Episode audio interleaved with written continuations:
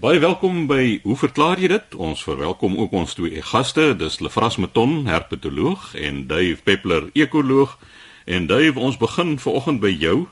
En jy praat sommer oor 'n hele klomp goed gelyk lyk dit vir my, meeuwe, luisters en bloekombome. Dag Chris, dag luisteraars. Ja, dis sommer 'n mandjie vol vrae, maar ek het gedink om klein vrae af te handel, gooi mes hulle saam. Nou, Tersia Kempen van Somerset West skryf vir my. Ek sien en hoor die laaste paar jaar gereeld seemeeuwe hier op Somerset West. Ek weet dis nie kraaivlieg so ver nie, maar is dit normaal dat hulle so ver van die see af beweeg? Dit is absoluut normaal, ja. Maar ons moet ook onthou daar is nie net een soort meeu by ons nie, ons het 'n hele aantal meeuwe. Eerste is die Kaapse meeu, die ou groote met die swart rug, die Engels het hom genoem die black-backed gull, en dis die een met die rooi vlekkie op die onderkaak. Nou, Lefrassel weet hierdie is 'n so, uh, baie interessante gedrag by voëls en ander diere om voedingsgedrag by kleintjies te ontlok. Mens kry dit by visse, insekte en ook by diere spesifiek die kleintjie in die nes pik na die rooi kolletjie op die bek en dan stimuleer dit die ma om kos op te bring as dit nou jou voedselvoorkeur is. Maar hierdie seemeeue, die Kaapse meeu, kom so ver as 50 km binnelands voor, maar ook 100 km die see in want hulle volg uiteraard bote wat vis vang. Wat wel interessant is, ek was eendag in die uh, Middellandse See op soek na swerfvalke op eilande En uh, dit was 'n vreeslike bootvaart en ek is natuurlik siek toe ek na die boot kyk voor ons begin vaar het. En nou het hulle nog gespil vrot vis ook want daar's ander manne wat na seevoëls wil kyk. Maar vir my die interessante is, dit is uh, vir my die boeiende van diere gedrag. Is dat as jy 'n stukkie brood of vis oorboord gooi in die middel van die oseaan, ek waarborg jou, nou nie in die middel van die oseaan nie, maar naby buite sig van land, sal jy binne 5 tot 10 minute 'n wolkvoël sien. Die sig van die voëls is akuut maar hulle kyk ook nie net na die kos wat gegooi word ook nie, maar ook die gedrag van ander voël. Dit ontketen weer 'n hele groot voedingsgedrag. En hierdie Kaapse meeuwe kies natuurlik kort paaie oor land en veral in Somerset Wes weet ek hulle vlieg na die groot opgaadamme naby Grabouw. Met ander woorde, hulle sal oor die dorp vlieg afhangende van die wind op pad elders heen. Hulle is natuurlik gemorsvreters by die grasie God sal hulle enige iets vreet. So as die mens kos gooi naby die see sal hulle voorkom. Dan het ons natuurlik die gryskop meeu. Nou as jy meeuwe sien by Beaufort West, dan is dit nie gryskop, hulle kom reg oor die binneland voor. Waar daar enige plek waar daar oop water sal hulle broei en voed. Maar weer eens vir my die interessante is nie die feit dat hulle voorkom nie, maar die blote feit dat hulle die water kan vind. En dit beteken dat diere in die algemeen nie net voels nie, altyd op die uitkyk is na nus. Ek dink Lefrasse ook beam selfs met sy klein klipgebonde akedisse. Hoe op aarde het die ding eerste daar uitgekom in die middel van nêrens? Hy het gaan soek. En 90% van die soekers het gevrek. Hulle is opgevreet, hulle het gevrek omdat hulle nie kon paar nie ensovoorts ensovoorts. Dan is daar ook hardloop se meeu en dis die een wat jou chips uit jou bord uit eet as jy by die waterfront gaan sit en eet. Hulle is verpestings, maar hulle is meer kusgebonde. Met ander woorde tersia, die meus kom wyd voor. Selfs die sogenaamde seegebonde meus kan tot 50 km binneland voorkom as toestande goed is. Dan is daar die gryskop wat reg oor die binneland van Suid-Afrika voorkom. Met ander woorde, dit is eintlik niks vreemd nie wat dit nou vir jou interessant gaan maak om te kyk na watter meeu jy kyk en dan kan jy die volgende vraag vra. Dave, dit is vir my altyd interessant as ek die die voël so dop hou. Daar's 'n paar noem dit maar twee hoofrigtings wat hulle vlieg oor jou huis.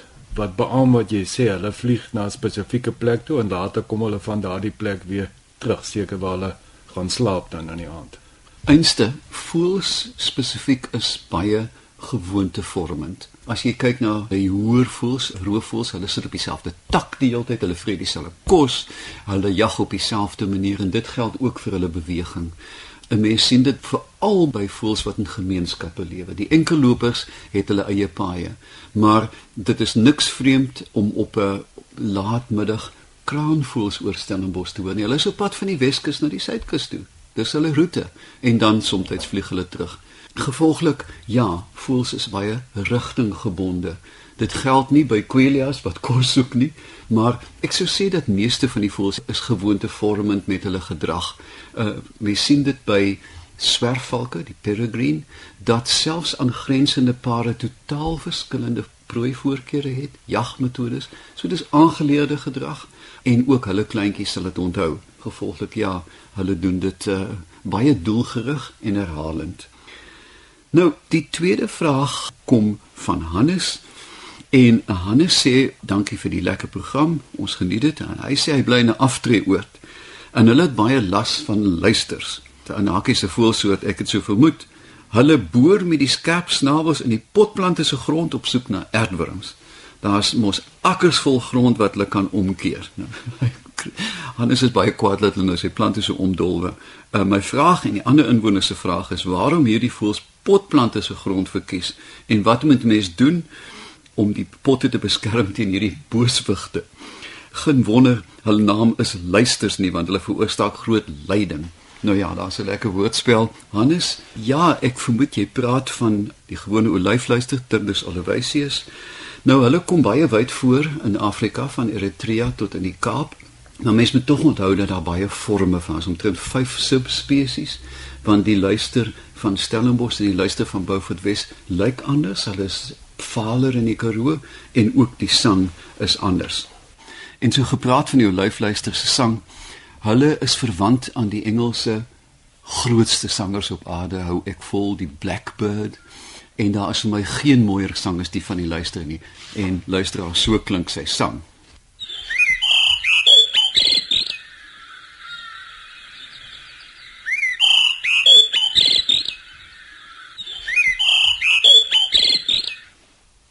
Hulle sing gewoonlik vroeg in die oggend. Hulle is dagbrekers die luister doen dit ook saam met die uh, Jan Frederik. Dis die eerste goed wat jy enige plek in Suid-Afrika hoor en dan teen skemer veral in die herfs sing hulle verskriklik mooi. Hulle is mobiele vuilgoedblikke. Want as jy kyk na hulle voedselvoorkeur, ek het nou gaan kyk na dan van die ouer boeke, is dit dadels, bessies, kaas, appelstronke, brood, kojabels, pere, slakke, wurms en gekookte vis. Nou, in die natuur gaan die mens nie so smorgasbord kry nie, maar hulle sal enige iets vreet en uiteraard omdat die mens tuin maak, is hulle aangetrokke tot tuine. Nou ja, hoe beter tuin jy maak, hoe meer wurms is daar. Dit moet die mens natuurlik onthou. En veral in die herfs kyk as die eerste akkerblare val, hoe hulle driftig rondloop met die bekkies in die blare in die lug gooi. Hulle so binne soos 'n hoender wat skrop, maar hulle skrop met die bek en jy sien net 'n reën van blare en dan jy weet ergens daaronder skuil 'n olyfluister want dit is nou juis wanneer die water 'n uh, vlak hoog is, die grond is nat, erwurms kom na bo. Nou kom hulle in die potplante krap. Ek dink 'n mens kan twee goede aan doen. Een, jy kan voedsel voorsien naby die potplante wat meer aanloklik is as die potplant. Nou ja, ons het al ewige debatte gehad oor moet jy voer of nie. Ek sê voer want die goed gee jou plesier en net om die voelgesang by jou venster te hê in die aande kan jy maar 'n paar wurms aankoop of wurms spesifiek teel in 'n komposhoop en gee dit vir die luister. Dan as jy nie lus het om te voer nie, wat van spoelklippies? My potplante beskerm ek met 'n deklaag. Wit klippies, dit lyk pragtig om 'n plant. Dit vorm 'n mate van 'n molm. Jy kan nog altyd dit nat maak, jy kan nog altyd voeding toedien en dit lyk verskriklik mooi en geen olyf luisterbek gaan deur daai klippe kom nie. Ek kan jou waarborg, hulle gaan jou buurman se pot omkeer, maar nie joune nie. Dave, uit persoonlike ondervinding kan ek beamoen wat Hannes daar gesê het. My vrou het groot stukke boombas in die potte gegooi om nou die klimaat van die grond reg te hou en jy kan maar elke dag met 'n besem gaan en al daai stukke boombas opvee en weer teruggooi in die pot en môre aand as jy by die huis kom dan lyk dit net so so jou antwoord van die spoelklippe dink ek is die ideale oplossing om hulle uit die potte uit te hou. Ek hoor wat jy sê. Weereens dink ek is my baie goeie voorbeeld van aangeleerde gedrag. 'n Mens vind dit oral in die natuur waar diere geleer het dat die mens bring voedsel. Die klassieke voorbeeld Hemel, hoeveel mense kan nog onthou van die melkbottel met die klein foelie doppie daarop? Nou, in Engeland het die jays, dit is so, so baie mooi voel, hulle lyk spesifiek mooi op hoedens, hulle vere, geleer om die melkdoppie af te haal En soggens vroeg net na die melk afgelewer is, lê die room nou mos bo en het hulle geleer om die dopie af te haal en dan die room te drink want dan hoef jy die hele dag niks te doen nie, is lekker baie kos. En soos daar baie voorbeelde ons sien koekies teen die verkoelingrooster van motors by volstasies. Ons sien dit onder ligte in die Kreeu Wildtuin. Die volgende oggend is daar sweterjoelvoëls wat die insekte kom vreet wat die nag versamel het. Met ander woorde, dis niks vreemd nie, maar ek dink daar is glorie in hierdie voël as jy hom net aanhou vir sy sang en daarom kan jy maar gaan spoelklippies optel. Dan my derde vraag kom van Minnie Nieuwoud. Ons verstaan, ek hoop so, die rede waarom bloekombome nou na al die jare skielik moet grond toe daal. My bekommernis rondom hierdie handeling. Wat word van al die voeltjies wat elke dag in daardie bome geslaap en geleef het? Want daar is nie plaasvervangers nie, althans nog nie. Die aarde is skielik lig en kaal waar die bloekoms nou afgekap is. Miskien sien julle dit in 'n ander lig. Minnie Dis my eerlike mening dat Suid-Afrika se uitheemse bome, luister mooi, dat van ons uitheemse bome wat hier aangeplant is van die mooiste op aarde is. Is daar iets so lieflik soos 'n kalander geelhout in die Nuisna woud? Maar hy staan nooit alleen nie, jy moet hom in die woud gaan besoek.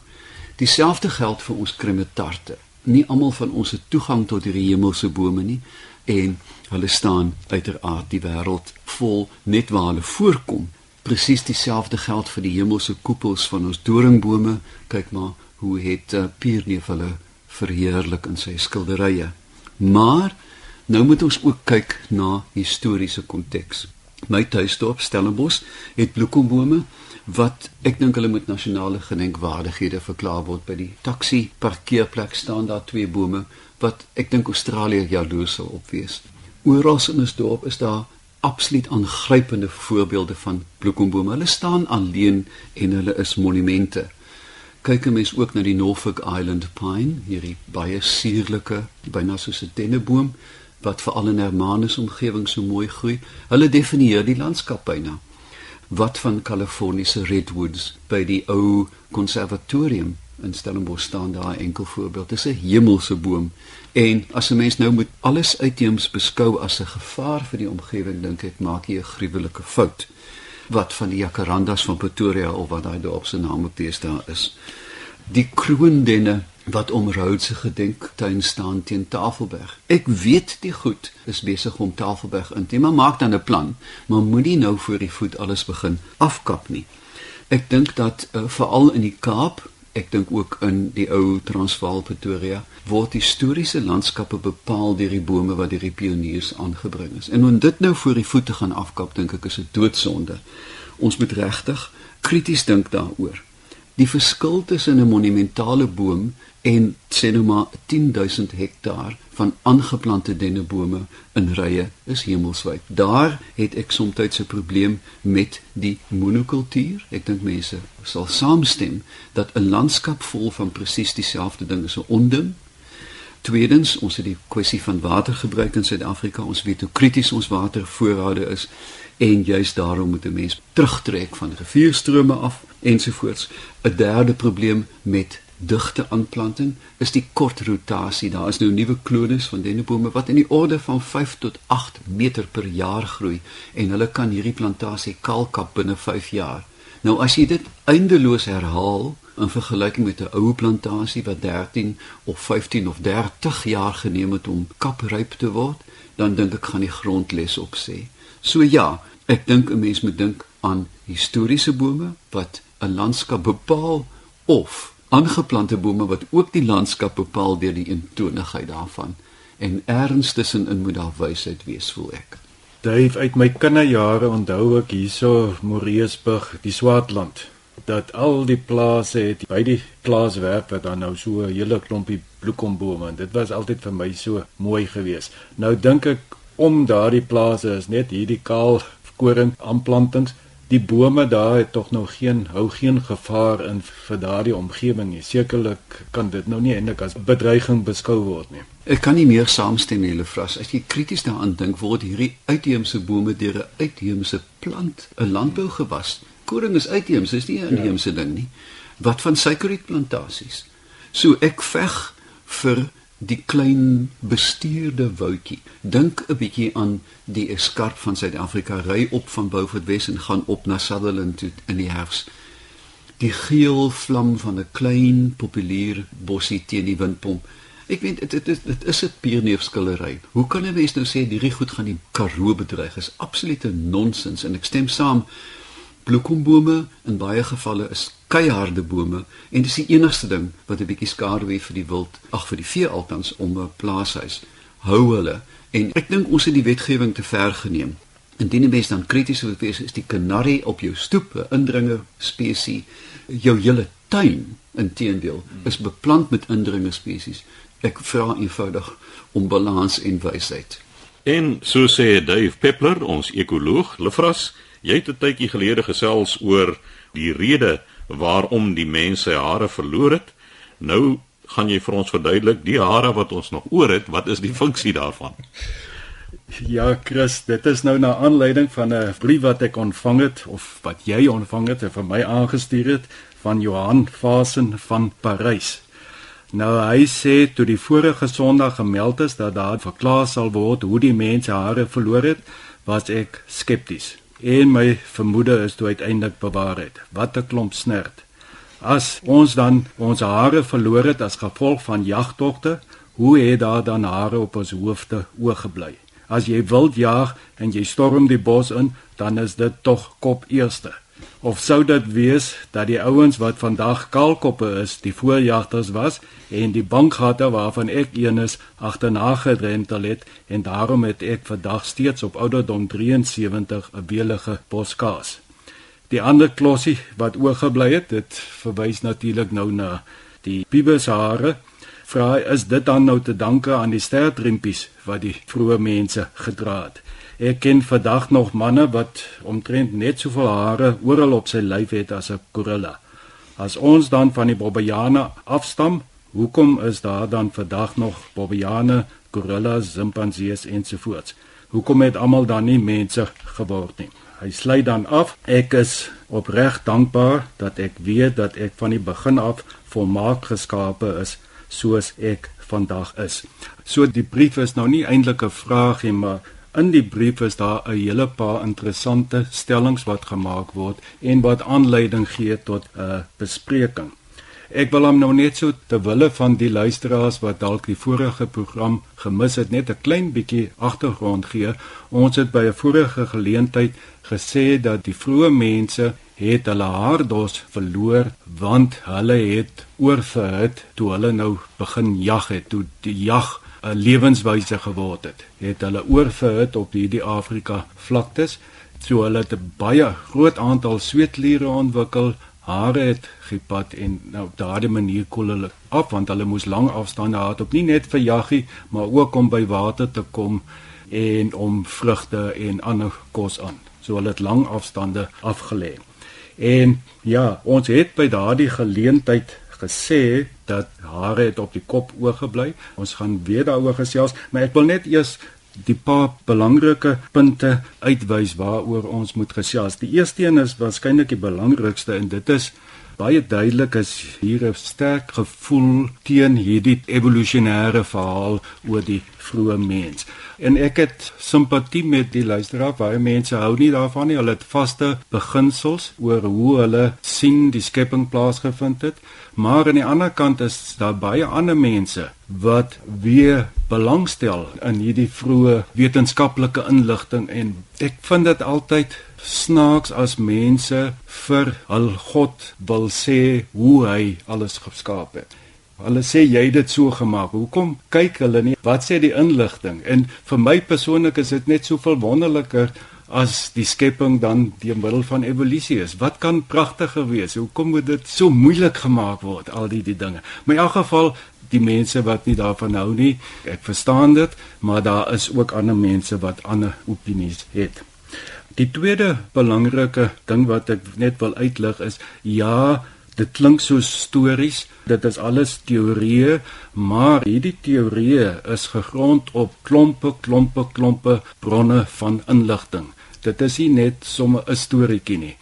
En soos daar nuwe inligting na vore kom, word daardie storie aangepas. So dit is hoe wetenskap werk. Nou is dit so dat die fossiele getuienis, die argeologiese getuienis, klimaat en veral genetiese inligting, is daar is so oorweldigende bronne van inligting deesdae en al hierdie goed wat altyd vir my lekker is is as hulle dieselfde storie begin vertel. Soos byvoorbeeld weet ons dat die vel, daardie verdonkering van die vel, diegene wat dit beheer, die evolusie daarvan het begin presies toe die mense begin jagters word en hulle hare begin verloor. So al die goed is verskillende inligtingbronne, maar almal sê dieselfde storie.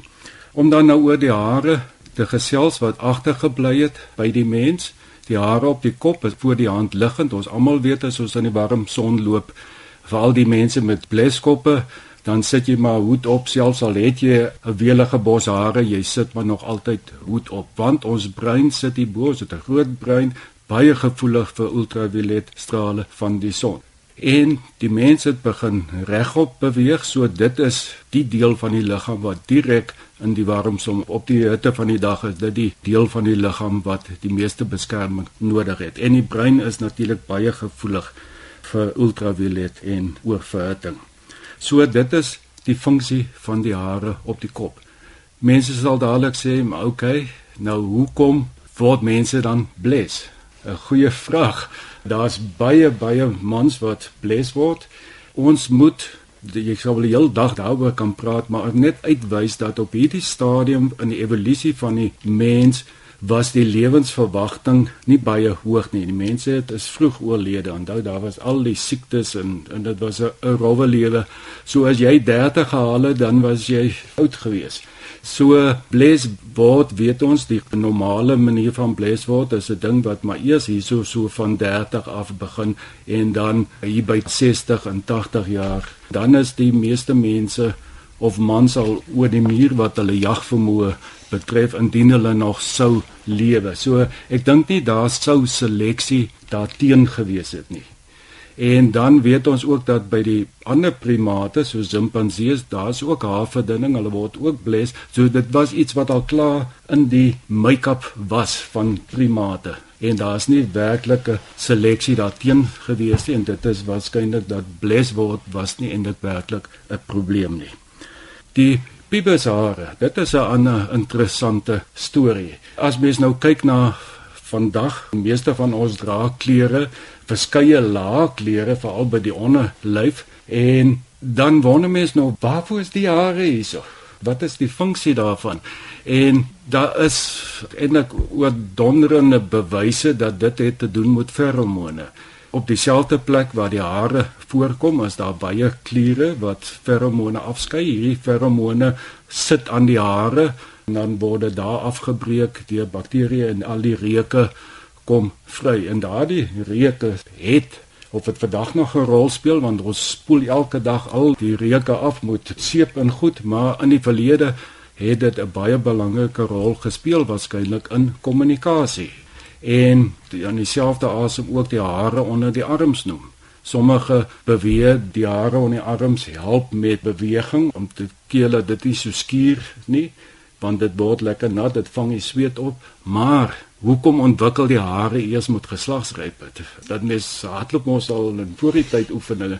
Hulle vras my die wonderlike ding wat beide van die pubis en die oksel is dat die hare daarvan drasties verskil van kophare in dat hulle afgeplat is. Met ander woorde, hulle het 'n baie groter oppervlakte en dit maak vir hulle klein vlaggies om reuk te versprei. Dit is my baie duidelik, jy kan onder 'n mikroskoop onmiddellik onderskei tussen 'n pubis en 'n kophaar. So Johan Fasen skryf nou vir hy's bly dat hy volmaak geskape is, maar nou sit hierdie klomp hare wat ons nou die funksie probeer onderdruk. Dit klink so vir my asof ons nie tevrede is met die volmaakte lywe van ons hare onder arms soos al hierdie sweet weerders en goed wat ons aansmeer en dit is die natuurlike funksie van hierdie hare. Ander hare, ek sien dan uh, Chris jy het 'n snor en het 'n pragtige bokbaartjie bedryf. Uh die gesighare wat by mans voorkom. Dit is ook 'n ding wat 'n sekondêre geslagseienskap is en ons skeer dit af, né? Dit is eintlik maar die minderheid mense wat 'n snor of 'n baard het. En ek wonder, daar moes tog sterk seleksie gewees het hier by die vroeë mens vir hierdie gesighare by mans. Dit moes 'n groot rol gespeel het. En mens kry nie die indruk dat daar vandag hoegenaamd 'n oorblyfsel is van daardie funksie wat gesigshare kon gespeel het nie. Dis sommer nou net so vinnig gesê, hy praat ook hierso, dis nou Johan Fasen van hare regemants. Ja, ek stem saam, ek sien baie van hulle wat soos gorillas lyk, maar as bes dan mooi gaan kyk na die hoeveelheid hare, is dit maar nog eintlik maar baie min hare. En nou moet ons dan onthou net soos lengte en alle ander kenmerke van die mens, gewig, jy kry allerlei soorte, daar's groot variasie En veral omdat hare nou nie meer so belangrike rol speel is daar en dit nie meer seleksie nie, net enigiets is moontlik. En ek wil tog net daarby nog iets daaroor sê dat ek weet nie of baie mense bewus is dat tydens die embrionale ontwikkeling by die mens van 'n babietjie is daar 'n fase waar die hele babietjie bedek is met hare dos, né? Nee? En by baie gevalle by geboorte is daar nou nog hare wat soms baie hare wat dan vinnig verlore gaan, maar by sekere mense kan daardie hare behoue bly tot aan die volwasse. Dis hulle kan maar bietjie kyk op die internet. Daar's jy kry mense wat soos 'n werklik korille lyk, like, gesighare, die hele neus, die hele gesig is vol vol vol hare. So dit alles dui nog op in die verlede was daar wel 'n fase wat ons hare gehad het. As jy krities kyk na die menslike vel, dan besef jy dat mense het net soveel hare soos gorillas, maar dis velum, dit is klein haartjies wat baie mikroskopies en ook velkleurig is. Die bewys daarvan is hoendervleis. Elke een van die haartjies het nog 'n spier aan sy basis. En as jy hoendervleis kry reg oor jou liggaam, staan die spul orent. Met ander woorde, sommige mense se hare is net meer sigbaar as ander. Ek kan net afsluit oor die tempo van evolusie. Hoekom al die primate nie mense verander nie? Die probleem is baie groter as dit. Hoekom kry ons nog vandag eensellige organismes? Hoekom kry ons insekte? Al die verskillende stadia is nog met ons. En dit is om 'n evolusie is oor 3.5 miljoen jaar dit is 'n moeilike proses. Evolusie is konservatief. Goed verandering net sommer die hele tyd. Dit is by unieke geleenthede waar daar 'n stappie vorentoe gegee word. Normaalweg is enige mutasie is nadelig en word uitgeskakel. So die bewys dat ons al hierdie verskillende stadia kry, wys dat evolusie is baie konservatief. Maar dit is eintlik 'n hele ding wat ons miskien op 'n volgende geleentheid ook kan gesels. En daar het die tyd ons ingehaal. Dankie aan ons twee spanlede, Dave Peppler en Lefras Meton. U kan gerus aan ons skryf by hoe verklaar jy dit? Posbus 2551 Kaapstad 8000 of stuur 'n e-pos aan chris@rsg.co.za.